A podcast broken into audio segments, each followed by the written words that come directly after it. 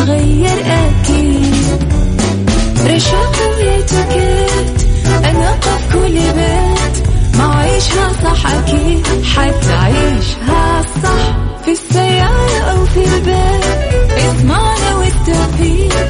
تبغى الشيء المفيد. ما عيشها صح. الآن عيشها صح. مع أميرة العباس على مكتف أم. مكتف أم. هي كلها في المكس.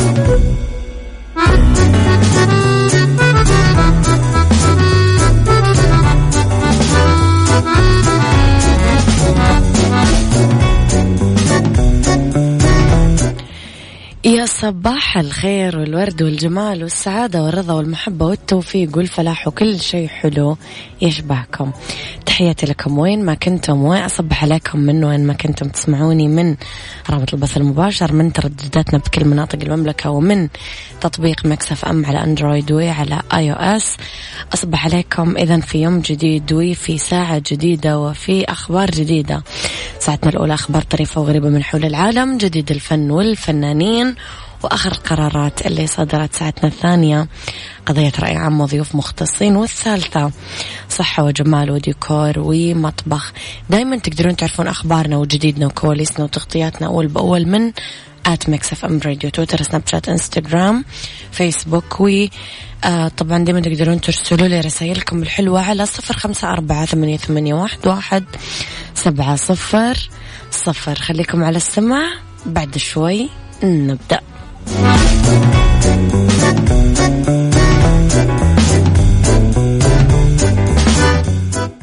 عيشها صح مع أميرة العباس على مكتف أم مكتف أم هي كلها في المكس.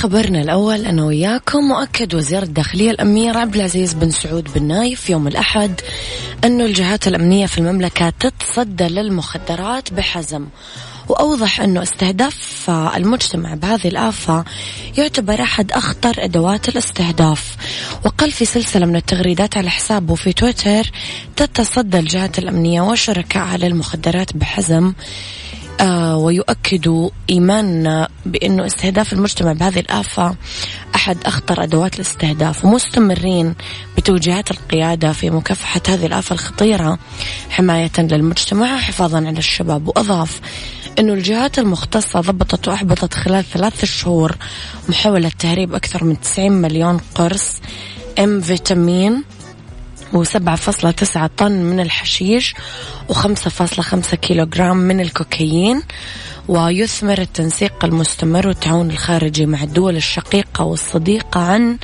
عمليات استباقية تحبط تهريب هذه السموم.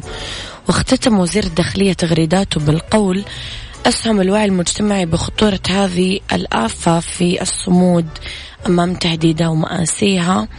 وكون حصن منيع ضد من يستهدف أمننا واستقرارنا وتتكمل الجهود مع أفراد المجتمع في مواصلة نجاحاتنا لمحاربة المخدرات. حمى الله وطننا وأبنائه من كل مكروه. يا ربي اللهم آمين. عيشها صح. مع أميرة العباس على مكتف أم مكتف أم هي كلها في المكس.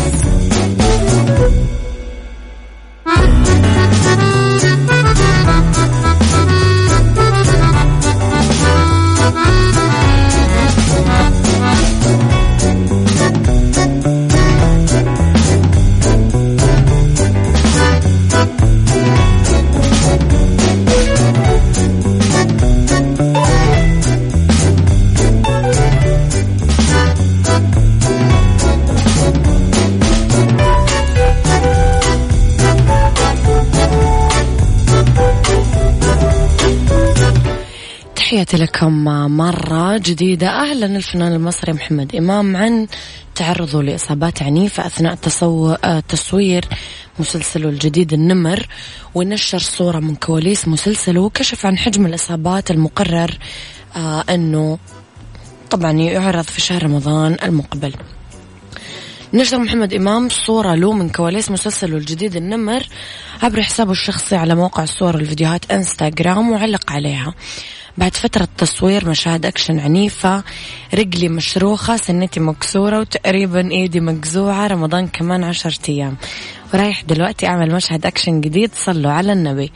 يذكر أنه إمام تدريبه قبل التصوير على مشاهد الأكشن من أجل مسلسل النمر وأنه قديش كان حريص بشكل مستمر يتواجد بالجيم ويعمل كثير تمرينات شاقة وكان يشارك جمهوره يومياته مع هذه التدريبات. كل التوفيق في مسلسل النمر آه، من تأليف محمد صلاح آه، أخرج شيرين عادل إنتاج تامر مرسي وشارك في بطولته عدد كبير من الفنانين من بينهم هنا الزاهد نرمين الفقي بيومي فؤاد ومحمد رياض. كل التوفيق للفريق الجميل. صباح الفل يا أبو عبد الملك صباح الخير يا سارونا الجميلة.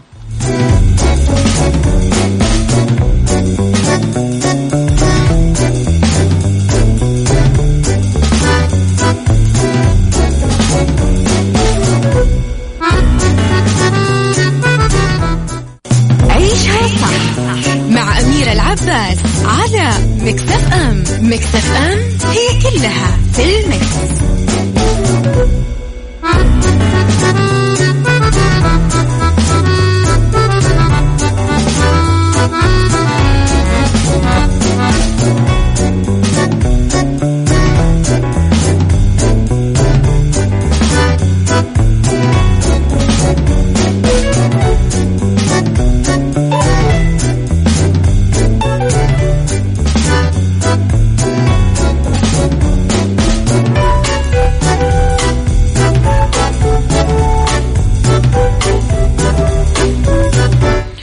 وتحياتي لكم مرة جديدة وصباحكم ورد وسعادة وخير. دايما مرة جديدة أذكركم بالرسالة اللي كل يوم نرسلها لبعض في صباحنا وياكم في البرنامج. رب الخير لا يأتي إلا بالخير. أمر المؤمن كله خير. كل أمورك خير. والأهم لا يكلف الله نفسا إلا وسعها. الله لو ما يعرف أنك قد الحمل هذا اللي أنت شايله الحين ما أعطاك إياه. لخبرنا الثالث وأقر مجلس محافظة آه، سايتاما في اليابان مشروع قانون لتنظيم استخدام السلالم المتحركة. يلزم المستخدمين بالوقوف في حالة آه، ثبات أثناء تحرك السلم للأعلى أو الأسفل. ويأتي القانون اللي يعد الأول من نوعه في البلاد في محاولة لتجنب حوادث السقوط والإصابات الناجمة عن محاولات السير صعودا أو هبوطا على الدرجات طبعا السلم الكهربائي أثناء طبعا تحركه.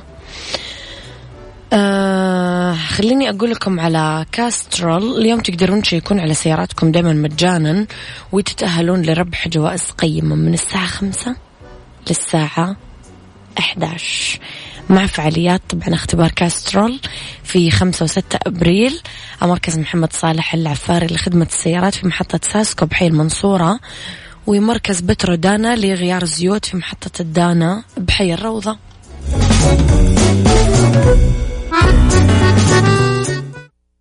عيشها صح مع أميرة العباس على Mix FM Mix FM هي كلها في ال Mix.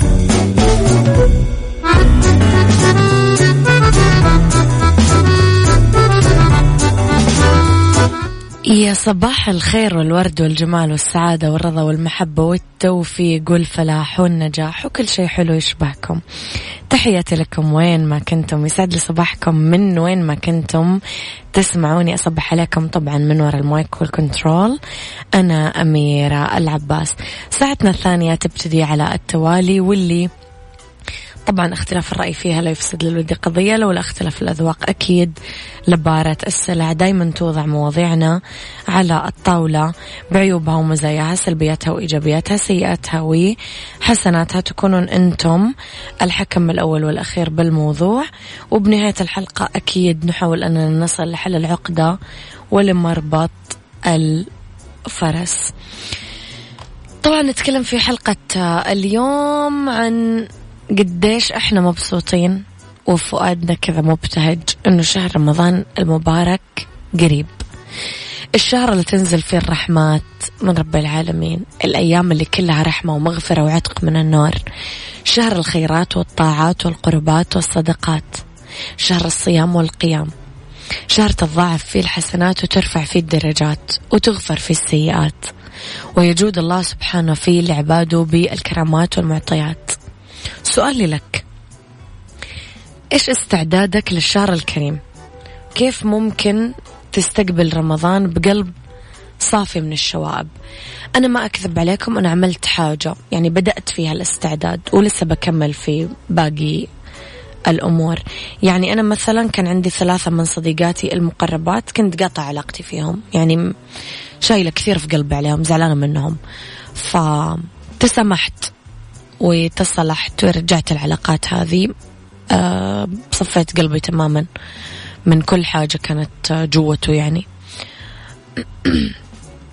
واللي باقي لي إني ببغى أعمل جدول أقسم فيه. متى أقرأ قرآن متى أتعبد متى أصلي متى أحسن صيامي أبغى أمتنع عن الغيبة والنميمة مثلا وحاجات كثيرة بقول لكم عليها في آخر الحلقة. بس قولوا لي أنتم إيش عملتم؟ قولوا لي رأيكم على صفر خمسة أربعة ثمانية, ثمانية واحد, واحد سبعة صفر صفر. عيشها صح مع أميرة العباس على مكتف أم. مكتف أم هي كلها في المكس.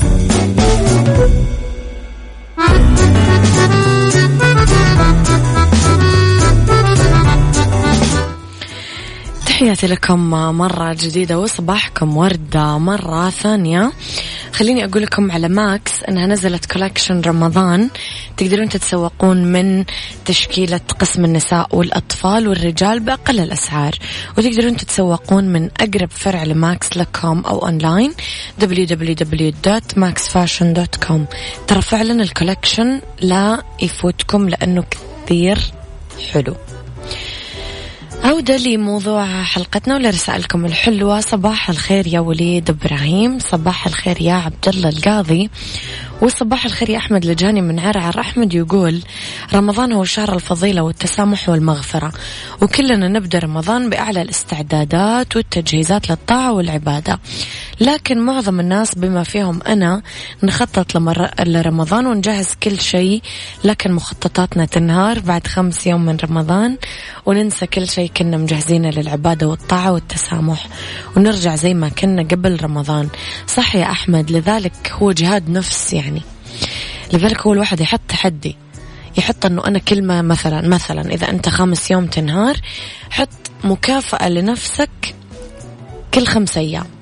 كل خمس أيام إذا حافظت على نفسك مثلا حافظت على لسانك من الغيبة والنميمة حافظت على أنك مثلا ما تتشاجر وما تتخاصم مع أحد آه، مثلا تحسن الصلاة والصوم والعبادات والطاعات كل خمس أيام حط لنفسك مكافأة وراح تستاهل هذه المكافأة فيعني كل واحد أدرى هو كيف آه، يحفز نفسه ويحمس نفسه فشوفوا أنتم. أبو عبد الملك مثلا يقول تذكرت أنه في خصام بيني وبين شخص هو بين يدي رب العالمين الآن.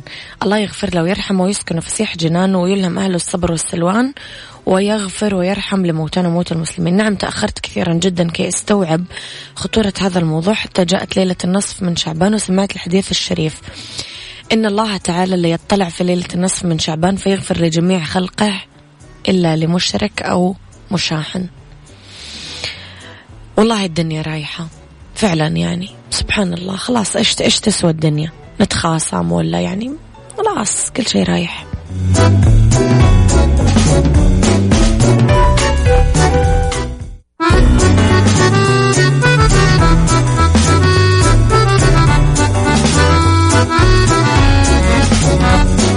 تعال وعيش حياتك عوض كل شي فاتك.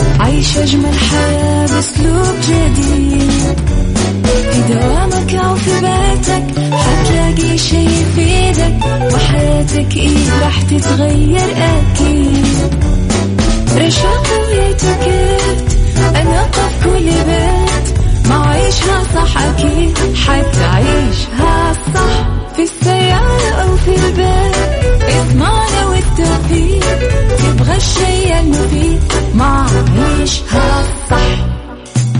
الآن عيشها صح مع أميرة العباس على Mix FM Mix FM هي كلها في ال Mix. بالدنيا صحتك برعاية مجموعة أندلسية العربية للخدمات الطبية على Mix FM يا مساء الخير والجمال والسعادة والرضا والمحبة والتوفيق والفلاح وكل شيء حلو يشبهكم أحييكم في أولى ساعات المساء آخر ساعات برنامج عيشها صح مرة جديدة من وراء المايكل كنترول أميرة العباس. طبعا يوم الاثنين وساعتنا الأخيرة أكيد راح تكون آه، في استضافتنا دايما عيادات أندلسية.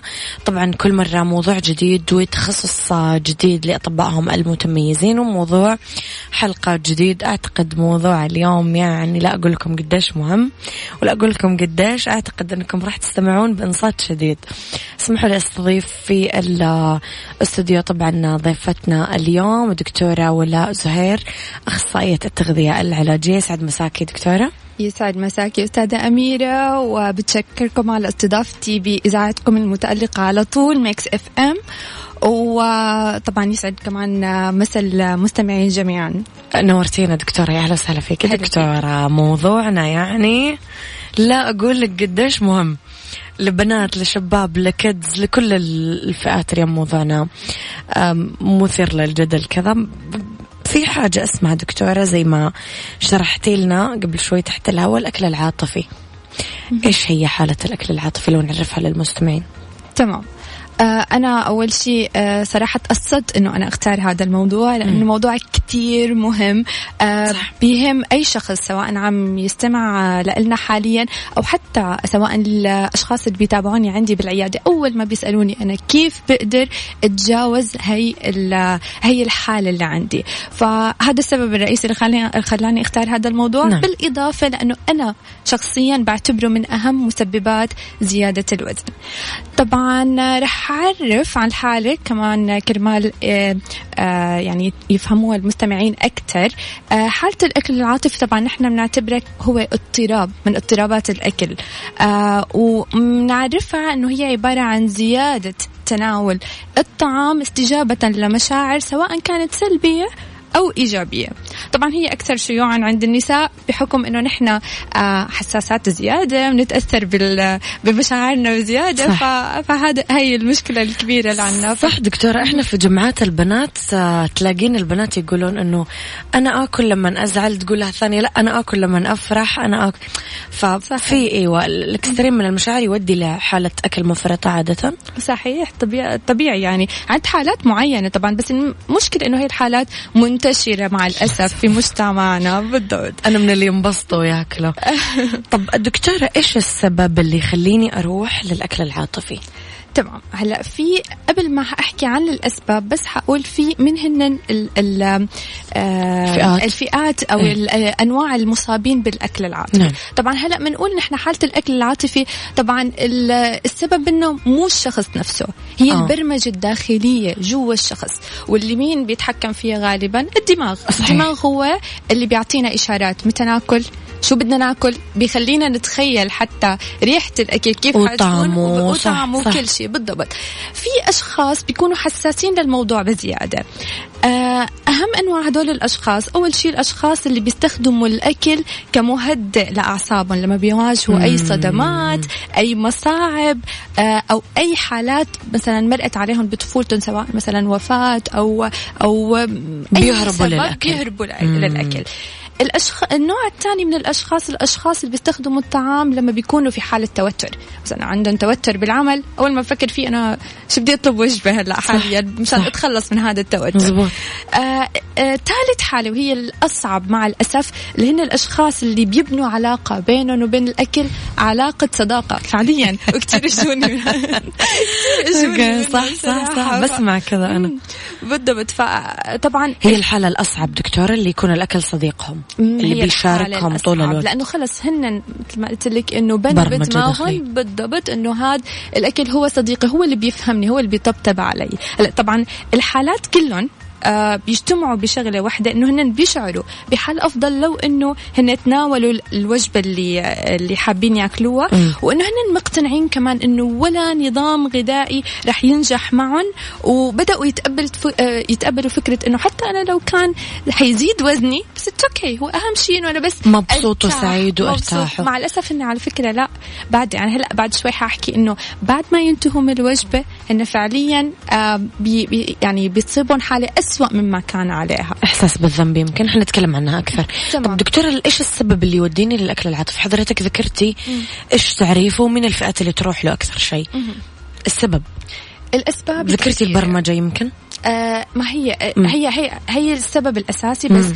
الأسباب كثيره وغالبا تتعلق بالحالة النفسية. مم. يعني أغلب الأسباب بتكون بسبب ضغط نفسي بسبب اكتئاب الغضب مثلا القلق في منهم آه حتى الشعور بالملل أحيانا أو الوقت الفراغ ال ال ال الكبير اللي بيعيشوا فيه بعض الناس كمان بيخليهم زي في كورونا يعني كثير ناس سمنت. يقول لك أنا ما عندي شيء اعمله غير آكل. صحيح. ان يفرغوا طاقاتهم بدل ما يفرغوها بشيء مفيد أكثر فرغوها بالأكل.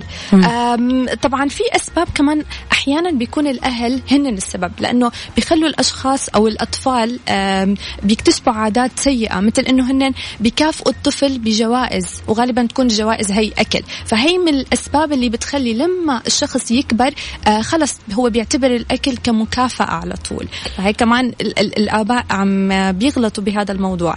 آه، طبعا في أسباب كمان اضطرابات اجتماعية أو إنه مثلا في بعض الأشخاص ما عندهم علاقات اجتماعية. فإجباري بدهم يحطوا آه، صديق. أيوه صديق الأكل. في الأكل.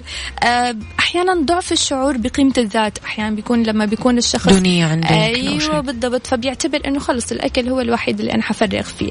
آه، طبعا لما كمان في أشخاص بيتبعوا حميات غذائية قاسية وصارمة بتلاقي بعدها خلص إنه هو بده ينطلق. ينطلق عن جديد مع الأكل. كان مكبوت مسكين. أيوه فيش تدخل على طيب دكتور انت وديتيني للسؤال في الفئات اللي ذكرتيها في البداية ولا فئة ذكرناها فئة سعيدة؟ أغلبهم حزينين. طب الفئة السعيدة اللي زي ما ذكرتي يستخدموا لأنه أنا أكافئ نفسي بطلعة المطعم هذه وأكافئ نفسي بال صحن الحلا هذا أو الديزرت اللي حجيبه لنفسي أو أو, أو. لما أنا أكون مبسوط وآكل انبسط زيادة وأكافئ نفسي.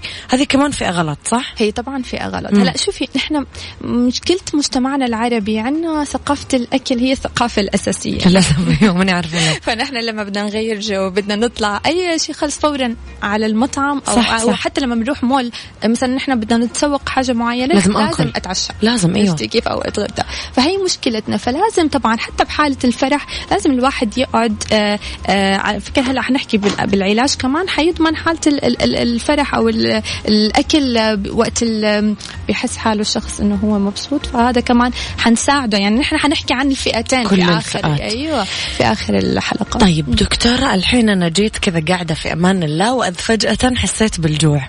كيف أميز أنا فعلا جوعان؟ لأنه أنا ما أكلت أو هذا وقت جوعي وأكلي الطبيعي وقت وجبتي ولا لا؟ أنا تحت ضغط حالة نفسية معينة سواء أنا مبسوط ولا حزين ولا في ناس حتى تتأثر مثلا عاطفيا في الانفصال أو في الدخول في علاقة جديدة أو في ناس كذا. صحيح. فكيف أعرف أنا في حالة نفسية ولا أنا جوعان جوع طبيعي جوع رب العالمين العادي يعني؟ تمام. أنا كرمال هيك حاولت أعمل مقارنة بسيطة بين أوكي. الحالتين بين الإحساس الحقيقي بالجوع والأكل العاطفي. هلأ أول مقارنة هعملها إنه الشعور بالجوع. هلا بالجوع الجسدي آه، بيكون الجوع تشاريه بالتدريج ببطء خلال فترة زمنية معينة. مم. بينما الجوع العاطفي بيظهر لك فجأة دون أي مقدمات. نوع الطعام اللي أنا بختاره بالجوع الجسدي دايما بشعر بحاجة إنه أنا بدي آكل أكثر من نوع من الطعام. يعني مو ضروري أنا مثلا حاطة في بالي حاجة معينة، معينة. أيوة. أيوه بالضبط. ممكن أنا لا يبقى قدامي فاكهة أكلها. ممكن آكل خضار. ووجبة وعصير وكذا. آه. صحيح. مم. بينما بالجوع العاطفي بشعر بحاجة شديدة لإنه إلا أنا آكل إلا برجر إلا French fries أيوه أعرف أعرف دي الحالة. هي هي ال- الجوع العاطفي. okay. هلا بالشعور بالامتلاء لما أنا مثلا بشبع بحالة الجوع الجسدي آه، بيكون بيستجيب فورا الشخص لإشارات الدماغ فخلص شبعت وهذه كميتي stop. العادية okay أيوه بالضبط بينما بالجوع العاطفي بيضل عم يتناول الطعام بفرط دون أي. استجابة لأي اشارات مم. آخر شيء المشاعر اللي بترافق الشخص بعد ما يتناول أيوه هذا اللي الوجبة. نبغى نوصل له بالضبط هون الجوع الجسدي ما يوجد ما في أي مشاعر سلبية بعد ما خلص الوجبة جعت وأكلت خلص. وعادي. بالضبط أنا عم خلص آه، أعطيت آه، جسمي حاجته بينما بالجوع العاطفي مع الأسف أي شخص بيأكل بعد الوجبة تلاقيه بيشعر بالذنب آه، بيتضايق بتزيد حالته سوء. فمشان هيك عم أقول إنه دائما بقول لهم الأكل ما بيطبطب عليكم ما بيساعدكم. حاولوا افصلوا بين الحالة النفسية اللي أنتم فيها وإنه تفكروا بالأكل. ودائما اسألوا حالكم لما بدك تاكل هل أنت جوعان؟ هل مم. أنت آه، فعليا آخر وجبة اكلتها أمتى؟ فهي القصص دائما بحاول ساعدهم فيها قدر المستطاع كمان يتخلصوا من هاي الحالة المزعجة. أنا وياك دكتورة الموضوع يطول حنطلع بريك وحنرجع نكمل حوارنا مرة ثانية.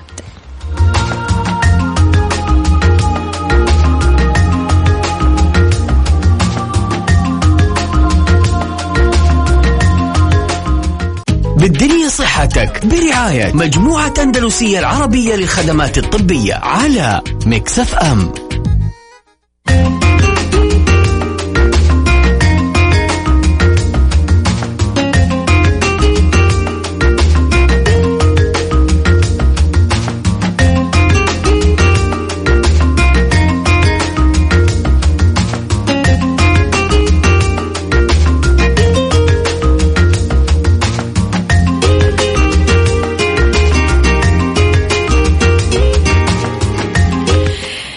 تحياتي لكم مرة جديدة أرحب بضيفتي في الاستوديو مرة آه، جديدة. طبعا الدكتورة ولاء زهير أخصائية التغذية العلاجية.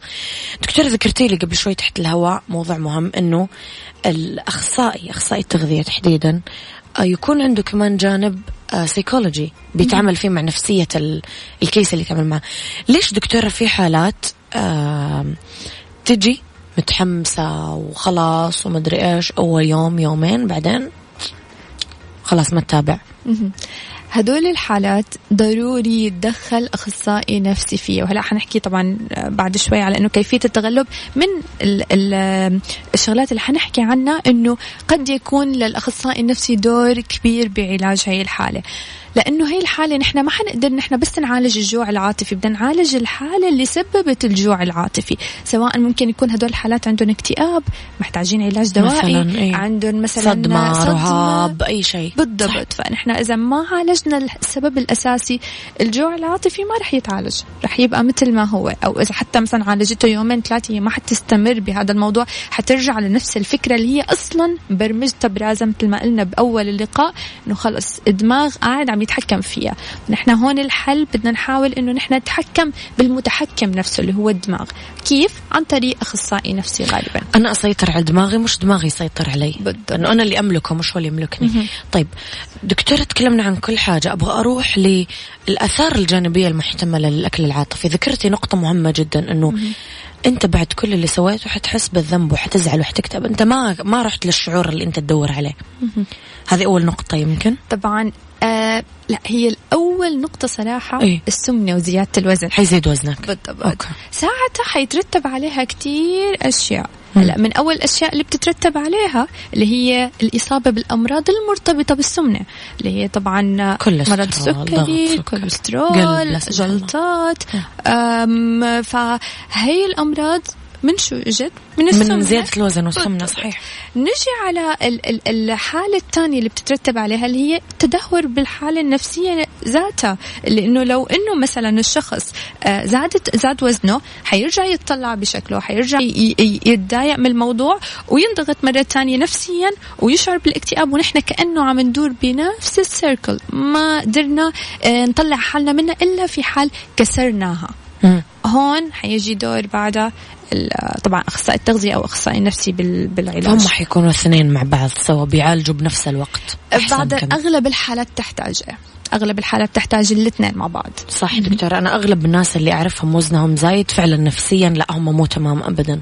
فيحتاجوا الاثنين سوا. طيب وصلت أنا دكتورة لحاله الأكل العاطفي أو الجوع العاطفي وتطورت معي الحالة وتدهورت. كيف أتغلب على هذا كله؟ تمام. بدي من المستمعين يحاولوا هيك يركزوا كثير معي خاصة لل- مرة يا جماعة. خاصة للناس اللي بتهمهم. أو الحاسين حالهم فعليا إنه هن عندهم حالة الشعور أو الجوع العاطفي. أول شيء ذكرت قبل شوي إنه يسأل نفسه السؤال المهم أنا ليش بدي أتناول هي الوجبة الآن؟ آه هل فعلا أنا جائع أو لا؟ تمام؟ وقتها بيحاول يجيب نوت صغيرة يكتب فيها كل الأطعمة اللي تناولها أو الوجبات اللي خلال تناولها اليوم. خلال اليوم مم. مع الأوقات مم. مع آه، تدوين الحالة اللي كان يشعر فيها وقت تناول الوجبة تمام هي أول حل okay تاني حل إنه هو يبدأ بترويض نفسه كيف يعني ترويض النفس؟ يعني عن طريق مثلا إنه يراجع طب أنا شو آخر وجبة تناولتها اليوم؟ آه إذا والله كانت آخر وجبة قريبة من ساعة أو نص ساعة بيبدأ بينبه العقل إنه لا في مشكلة هون. لازم حاول إنه أنا يا أما ما آكل نفسي إيه. أيوه يا أما أشرب مي يا أما مثلا إذا أنا كتير حاسس إنه فعلا أنا لازم آكل حاول بدل بدل ال- الوجبة اللي أنا حاطة ببالي مثل البيتزا مثلا أيوة. روح آكل فاكهة okay؟ أيوه أعمل صحن سلطة مثلا أو أي حاجة. تمام هون يا رب ما شيء. هون بتجي الإرادة القوية. okay. ثالث حل ممكن يكون ممارسة الرياضات اللي بتخفف من الحالة النفسية عندهم. مثل اليوغا مثل meditation تمارين التنفس. تمام؟ هاي الرياضات بتقلل من التوتر واللي هو طبعا أكيد التوتر هو اللي بيزيد من شهية الشخص لتناول الطعام. فإذا قل قلت حالة التوتر حيقل شهيته لتناول الطعام. آه رابع حل ممكن كمان إنه يعني واللي بنحتاجه أغلب الأحيان الحصول على الدعم سواء من الأقارب من العائلة من الأصدقاء أو حتى مثل ما ذكرنا من استشاري نفسي حتى يقلل الشخص من شعوره بالحزن ويعزز الشعور بالفرح وال- والرضا عن النفس. لسه جاي أسألك دكتور عن هذا الموضوع. إذا أنا أصحابي محبطين بيعايروني طول الوقت بيعايبوا علي طول الوقت الخ أو أصحابي طول الوقت في المطاعم. يعني هم ناس كويسين بس هم طول الوقت في هذا ال lifestyle حقهم. تمام. ففي كل الحالتين لازم أبعد في فترة علاجي صح؟ عن هلا- محيط غلط يعني. حلو الكلام. هلا هون حيجي أول شيء دور الأسرة بتعزيز هذا الموضوع عند الشخص تمام؟ بحيث إنه كمان يساعدوا. مو إنه والله هو عم يتعالج ويجي يلاقي مثلا عائلته قاعدة عم تاكل قدامه بيطلبوا من برا. كل يوم ولا ما في مثلا ما طبخ. بالبيت ما حيقدر. يعني إجباري إلا ما الإرادة تخف إلا إذا كان والله إرادته كتير قوية هذا شيء تاني تمام؟ بنفس الوقت إذا الأصدقاء لا الأصدقاء بحس إنه شوي محيط أبعد من العائلة فممكن يقدر مثلا يبعد عنه يقلل خلال هاي قد. ما يقدر إيه. صحيح تمام؟ فهذا الشيء هذا الشيء كمان بيلعب دور آه، مثل ما قلنا الإرادة القوية وقوة ال- آه، الشخص نفسه. وصدقيني كل إنسان بيقدر ما في حدا ما بيقدر. يعني اللي أهم شيء يقرر صحيح هو أهم شيء بس القرار. طيب دكتورة لو من المستمعين الحين مثلا سواء أطفال آه سيدة آه رجل آه كبار صغار أي أحد قاعد يسمعك في الوقت الحالي. سواء عدى الأزمة وتجاوزها سواء هو عالق فيها سواء هو مقبل عليها حيدخل فيها عنده شخص غالي عليه بيمر فيها. كل هذول الناس دكتورة آه إيش ممكن تقولي لهم رسالة في ختام حلقتنا اليوم؟ آه هلا بدي أقول لهم شيء كثير مهم إنه لحتى يتحرر من حالة الأكل العاطفي هاي ويصبح مش هو حيصبح ساعتها أكثر نحافة لا بس رح يصبح أكثر سعادة فعليا. فهذا الشيء اللي حقول لهم إياه إنه فعليا أنتم رح تتجاوزوا الشغلة من من من الحالتين. حالة آه، النحافة إنه ما يصير عندكم وزن زايد وبنفس الوقت رح تتخلصوا من الحالة النفسية اللي أنتم فيها. فأنتم اللي بتقرروا فعليا. ف وبالعكس يعني أي شخص حاب حتى آه، يعني حدا يساعده يلجأ لأقرب أخصائي تغذية أو حتى أخصائي نفسي حتى يساعده بهي الحالة.